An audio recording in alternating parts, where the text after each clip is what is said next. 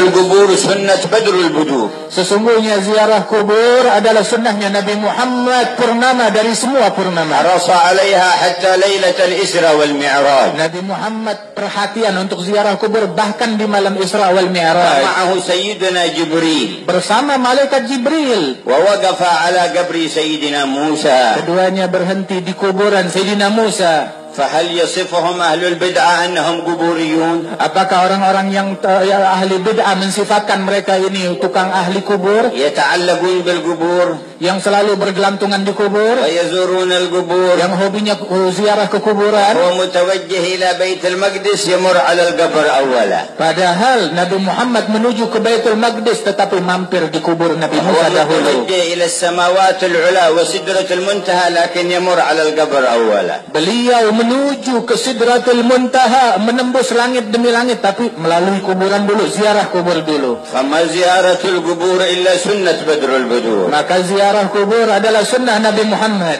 Wa idza ba'ada 'alayka qabrun fa ziyaratuhu bi dhikrihi wa dhikri ashabihi wa ahwalihi. Apabila engkau tidak dimudahkan untuk berziarah ke kuburan mereka orang-orang yang mulia maka di dalam kenangan dan sebutan mereka pun juga sama seperti ziarah. Oh.